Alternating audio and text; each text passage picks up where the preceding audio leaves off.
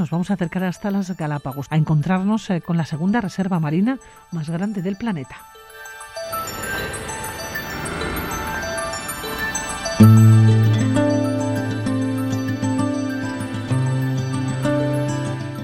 Galápagos, uno de los lugares preferidos eh, del planeta de nuestro amigo y colaborador Saber Bañuelos. ¿Cómo estás? ¿Qué estamos, estamos en las Galápagos directamente, ¿eh? Sí, sí, sí, Galápagos, efectivamente. Como bien has dicho, uno de mis lugares preferidos del ¿Por planeta. qué? ¿Por qué? Ah, pues porque he pasado allí muy buenos, muy, muy buenos momentos, disfrutando con la gente, con el paisaje, con la fauna.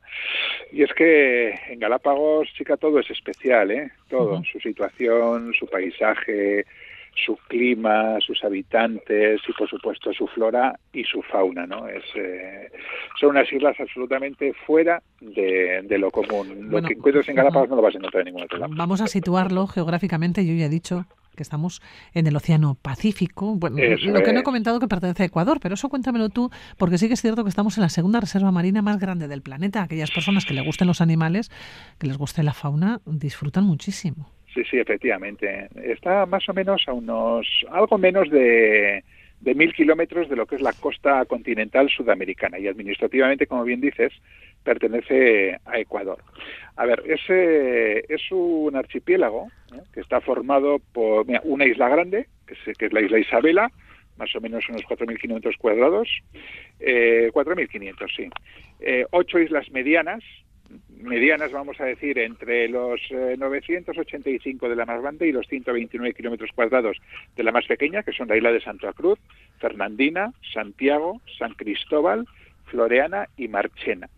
Luego tiene 12 islas eh, más pequeñitas, ¿eh? de menos de 100 kilómetros cuadrados, y después la friolera de más de 100 islotes, ¿eh? muy pequeñitos, que se extienden, bueno, en realidad ya todo lo que es el archipiélago se extienden en unos 8.000 metros, eh, kilómetros cuadrados más o menos, y están agrupadas, digamos que en torno a la isla de, Santa Cruz, con la isla de Santa Cruz en el centro, pero sí, eh, ya te digo, como formando una especie de, de círculo, por decirlo de alguna manera, y la distancia más larga entre dos islas, que es la isla de Darwin y la isla de la Española, son unos 431 kilómetros más o menos. Y tiene la particularidad de que están partidas por la línea de- del Ecuador, que concretamente atraviesa el, el volcán Wolf al norte de, de la isla Isabela. Has hablado de volcán y quizás este Sí. es uno de los elementos claves ¿no? de la singularidad de, de las Galápagos, que son volcánicas. Eso es. Eh, a ver, los Galápagos tienen un montón de elementos que las hacen singulares, ¿no? Pero yo creo que podríamos resumirlos pues en, en cuatro o cinco, ¿no? O sea, en primer lugar son volcánicas, efectivamente. Son unas islas volcánicas, pero son muy jóvenes. Tienen entre 3, y 5 millones de años, que cualquiera dirá, ¡guau, qué barbaridad! ¿no? Esto en geología es antes de ayer. Es decir, que en realidad son islas bastante jóvenes. Son islas volcánicas oceánicas, ¿eh? que están situadas en una placa relativamente pequeña comparadas con las grandes placas euroasiática, americana, africana y demás, que se llama la placa de Nazca. Concretamente están en el norte de esta, de esta placa. ¿no? Y están formadas, eh, como le ocurre a las Azores, como le ocurre a las Canarias, como le ocurre a Hawái, por un punto caliente, ¿eh? que ya, ya lo hemos explicado, en, eh, yo creo que en alguna otra ocasión, que es esto de un punto caliente, que está situado al oeste del archipiélago, con lo cual las islas más jóvenes son Isabela y Fernandina, que están más al oeste, y luego pues San Cristóbal, Santa Cruz y demás son las más, las más jóvenes que están situadas más al este, ¿no? Eh, pero tienen un vulcanismo muy, muy activo, ¿eh? Muy activo. Sobre todo estas islas de- del oeste tienen un vulcanismo tremendamente activo. De hecho, eh, son de las más activos, eh, son, tienen los volcanes de los más activos del mundo. Y curiosamente, todas las islas, cada una de ellas, es un volcán. Es literalmente eso, un volcán surgido de, del mar, salvo la isla Isabela, que son cinco volcanes ¿no? que se concatenan ¿eh? de norte de norte de norte a sur. Eh, y luego hay dos de las islas que eso sí que son muy singulares, que son Baltra y Santa Fe, porque en realidad, fíjate, no son volcanes en este caso, que son, están formadas por elevaciones de fallas, ¿no? Claro, el hecho de que sean volcánicas hace lo mismo que a casi todas las islas volcánicas, que también lo hemos comentado en alguna ocasión, que sean paisajes muy diferentes De isla a isla, ¿no? Claro, porque cada vulcanismo es, es, eh, es eh, singular.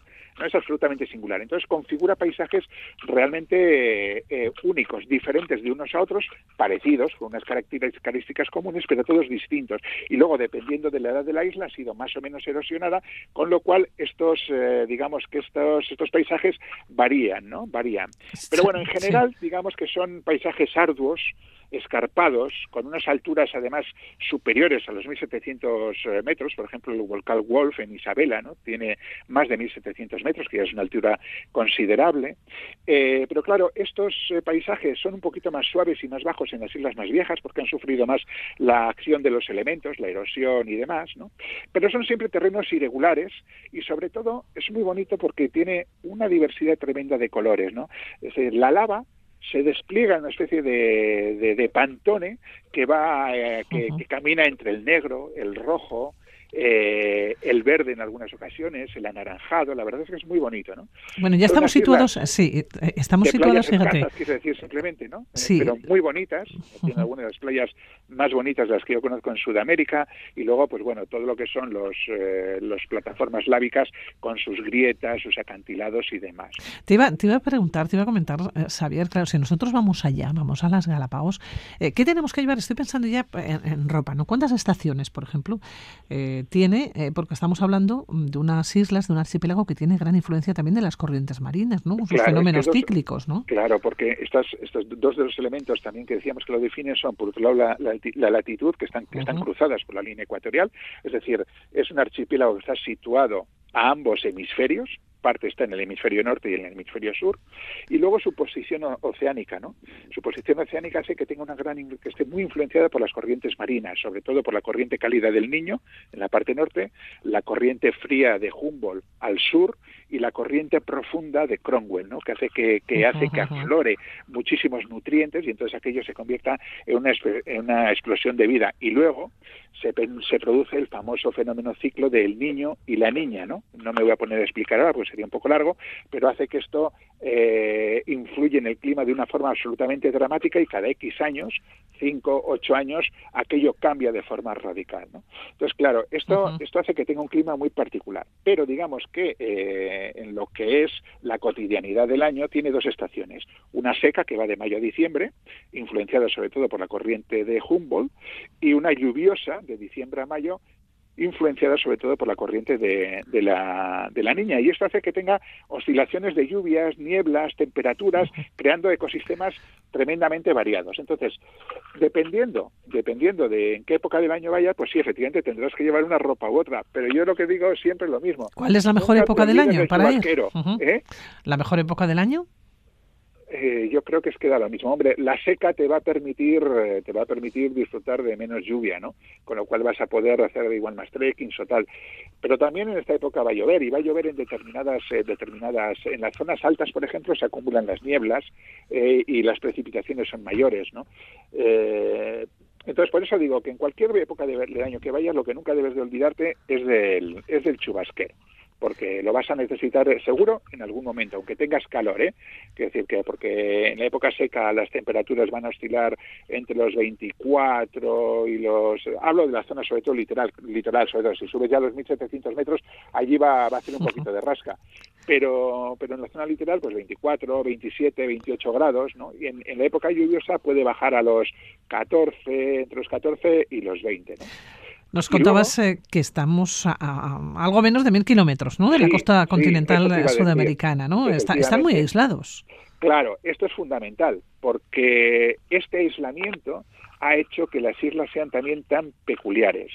A las Galápagos les pasa lo que a casi todas las islas, eh, digamos, aisladas, ¿no? Es decir, que, digamos, la flora y la fauna ha sufrido una evolución absolutamente autónoma, particular, eh, personal, iba a decir, ¿no? que la diferencia de todos los, eh, todos los ecosistemas continentales, ¿no? Con lo cual, ¿eso que significa? Que va a tener un montón de endemismos, es decir, de especies que solo vas a encontrar en las Galápagos. Por otro lado, eh, en las Galápagos se da también, este aislamiento ha hecho que no lleguen eh, depredadores, digamos, ¿no? carnívoros, por decirlo de alguna forma, bueno, salvo los gavilanes, eh, algunas serpientes y tal, pero vamos, no hay grandes depredadores, lo cual hace que la fauna es absolutamente increíble, Pilar.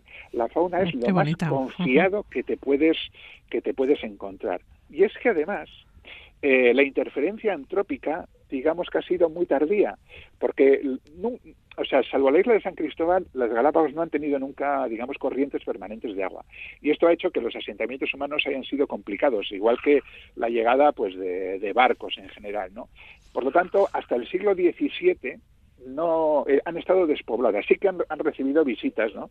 Si quieres ahora comentamos un poquito su historia. Han recibido visitas de balleneros y demás, pero no ha tenido, digamos, comunidades asentadas, porque era muy complicado por, por el tema del agua. Hasta el siglo XVII, lo cual ha hecho que sobre todo la fauna eh, haya podido diversificarse un montón de, de endemismos y además que sea muy, muy, muy confiada con el resto de animales y también con el ser humano confiada con el ser humano, con esa presencia humana. ¿Cuál es la historia de las Galápagos? ¿Cómo se pues descubrieron? la verdad es que fue un, descubrimiento casual, ¿eh? porque fue el, obispo de Panamá, eh, dominico, que se llamaba Fray Bartolomé de Berlanga, quien en 1535, en un viaje que hacía, creo, a, la zona de Perú, se, se desvió y por casualidad eh, descubrieron las, las islas.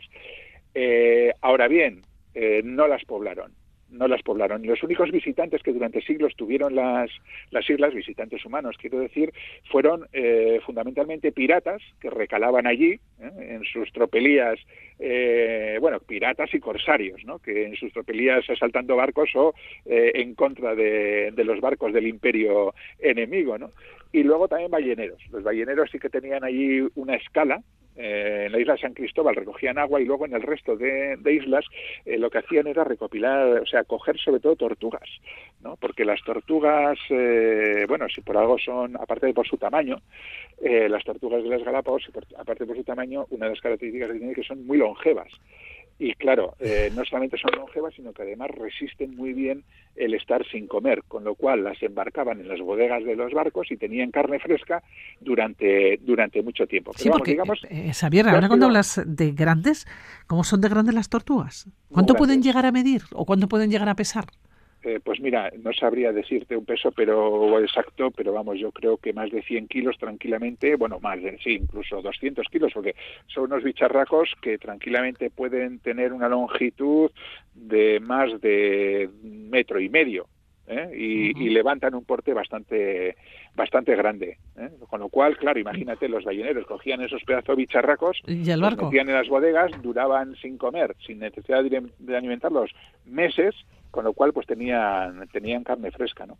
Pero bueno, como decía, balleneros y piratas, eh, y luego, luego científicos, ¿eh? porque sí que se organizaron diversas expediciones como la de Malaespina en 1790, la de Colnet en 1793, y luego ya más tarde eh, llegó Darwin, ¿no? En 1835.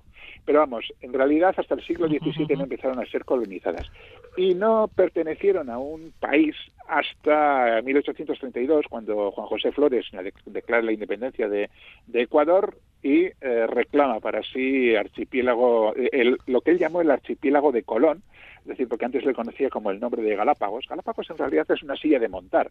Entonces las tortugas una silla de montar españolas. Las tortugas, lo que es el caparazón de la tortuga, eh, parece eso, una antigua silla, silla, de montar castellana, ¿no? Entonces se le llamó por eso Galápagos. Bueno, pues este Juan José Flores le cambió el nombre al archipiélago de Colón, pero bueno, no tuvo demasiado éxito y siempre se le ha llamado Galápagos. Digo esto porque las Galápagos tienen una doble nomenclatura, ¿eh? porque luego llegaron los ingleses y cambiaron el nombre, o pusieron nombre, digamos, renombraron a todas las islas. Por ejemplo, la, la, isla Santa Cruz la llaman Indefatigable, ¿no? que, todavía en los, en los otros ingleses es así sí, o Isabela Albermale, o la isla de San Cristóbal Chalham, ¿no? Quiere decir que, y, en los mapas ingleses todavía aparecen con los nombres ingleses, ¿no? Pero bueno, digamos que, a partir de entonces, eh, y sobre todo después de la llegada de Darwin y del, descubrimiento ya en el siglo XX de, de, el verdadero arca de Noé, que son aquellas, aquellas islas, pues ya en 1959 se declaran Parque Nacional, en 1978 Patrimonio de la Humanidad, en 1985 Reserva de la Biosfera y luego